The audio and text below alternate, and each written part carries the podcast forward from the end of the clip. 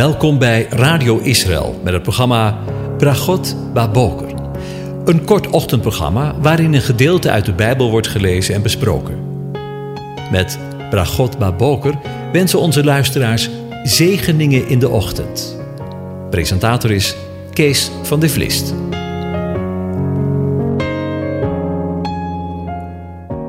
Goedemorgen, Bokatov, beste luisteraars. Vanmorgen denken we weer verder na over Psalm 105. En daarvan lees ik vers 31. Hij sprak en er kwamen steekvliegen en muggen in hun hele gebied. In het voorgaande aflevering stonden we eveneens bij dit onderwerp stil. En vandaag willen we daar nog eens even verder bij stilstaan. We zagen al eerder dat de vliegen voor mens en dier zeer vervelende diertjes zijn. De beeldspraak die aan deze insecten is ontleend, duidt dan ook op het negatieve krachten in het menselijk bestaan. Vliegen en muggen staan voor last, dreiging en levensgevaar. Tegen die achtergrond lezen we de derde en de vierde plaag die God uitdeelt aan Egypte. Het daar verschijnende ongedierte komt als het ware voort uit de eerste en de tweede plaag, namelijk verandering van water in bloed en de kikkers. Insecten gedijen bij vocht en smerigheid. De vijfde en de zesde plaag zijn het gevolg van de aanwezige insecten, de overdragers van ziekte. Vliegen, luizen, muggen, ze maken het leven voor mens en dier ondraaglijk. Stap voor stap wordt Egypte verneiniger getroffen, totdat de tiende plaag aanbreekt, de dood. De vlieg, evenals de sprinkhanen en bijen, is metafoor voor een aankomende heerschappij die andere heerschappijen doet ondergaan. Jeremia vergelijkt Egypte met een mooi rund. Echter, het rund zal aangevallen worden door een stekend insect. Het beeld voor het opkomende Babel. We lezen daarvan in Jeremia 46, vers 20. Dat doet mij denken aan Baal Zebub of BL Zebub, want dat betekent heer. En Zebub heeft te maken met de betekenis of de betekenis van vliegen. Daarmee was Baal Zebub dus de heer van de vliegen. Baal Zebub is in de Bijbel een benaming voor Satan, de vorst of de heerser van de demonen. De naam Beelzebub komt een paar keer voor in de evangelie. Jezus' tegenstanders beschuldigen hem ervan dat hij demonen uitdrijft met behulp van Beelzebub. In Matthäus 10, vers 25 gebruikt Jezus zelf deze naam om Satan daarmee aan te duiden. En zo zien we dat mensen, de Egyptenaren, door een eigen god ter gronde wordt gericht. Inderdaad, het is zoals we lezen in Matthäus 12. Elk koninkrijk dat verdeeld raakt tegen zichzelf wordt een woestenij. En geen enkele stad of huis tegen zichzelf verdeeld zal stand houden. In Matthäus 12 lezen we in vers 24 wordt Beelzebub de overste, de argoon van de demonen genoemd. In het veel latere en apocryfe testament van Salomo wordt gememoreerd dat hij ooit de engel was met de hoogste rang in de hemelen. Een engel die elders meestal Satan wordt genoemd. Beelzebub is dus één van de namen van Satan, net als Belial en Asmoredus. In de synoptische evangeliën komt de naam Baal Zebul zevenmaal voor. Altijd in discussies over de vraag of Jezus niet samenspant met Satan, als hij demonen uitwerpt. Dat is ook niet verwonderlijk. Op de achtergrond speelt de oude gedachte die menselijk handelen vooral ziet als de activiteit van een god of geest die in een mens of in een groep mensen werkzaam is. De vraag is dan: welke geest beheert het denken en het handelen van mensen en groepen van mensen? En vooral, wie is bij machten dat denken en handelen te vernieuwen en te veranderen? Dan moet de oude geest wel eerst verjaagd en gebonden worden, zegt Jezus in vers 29. Zo'n antieke voorstelling wordt weer actueel door het huidige inzicht over hoe ons denken en handelen feitelijk wordt bepaald door natuurlijke drijfveren, sociale invloeden en ongekozen toevalligheden waar we zelf geen greep op hebben en meestal ook geen weet van hebben. Het gaat om de eindeloze hoeveelheid van zelfsprekendheden waar we in ons denken en voelen vanuit gaan en die bepaalt wat we redelijk vinden en normaal, goed en verkeerd, aantrekkelijk of minder aantrekkelijk.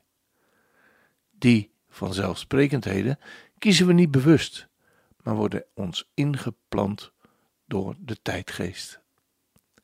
Je kunt er eigenlijk niet aan ontsnappen, tenzij door een ervaring die zo ingrijpt dat er een geestelijke transformatie plaatsvindt. Een bekering, zeg maar. Alleen als Gods geest werkzaam is, kunnen we demonen uitgeworpen worden en heeft het koninkrijk van God ons bereikt. Lezen we in vers 28. En als dat geen zegen is, God van trouw, u verandert nooit.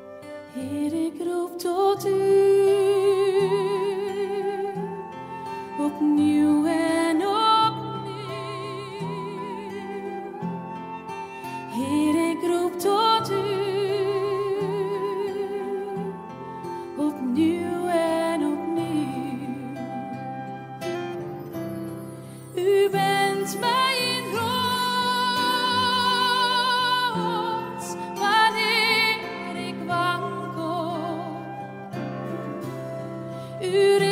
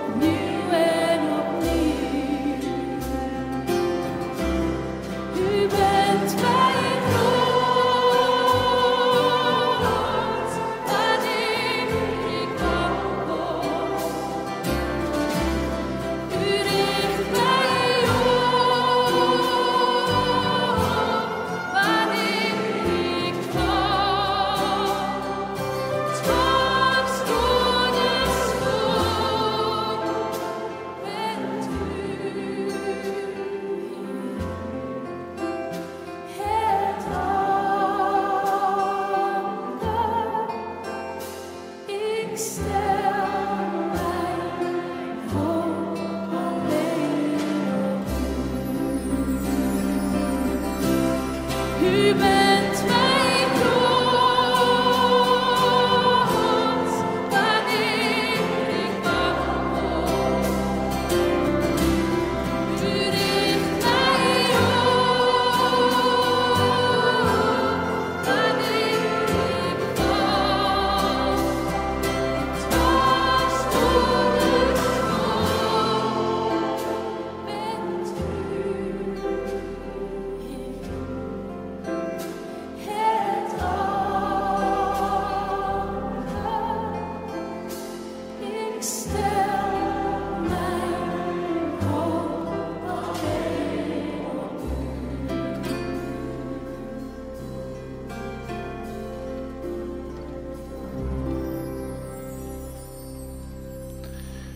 Ja, en dan zijn we daarmee weer aan het einde van deze uitzending gekomen. En wens ik u Gods zegen toe. Ook voor deze dag.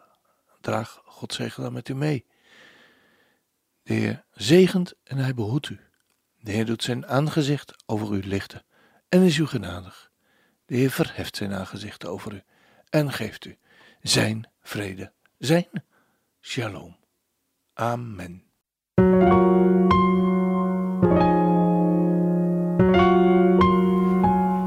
U hebt geluisterd naar het programma Bragot Baboker.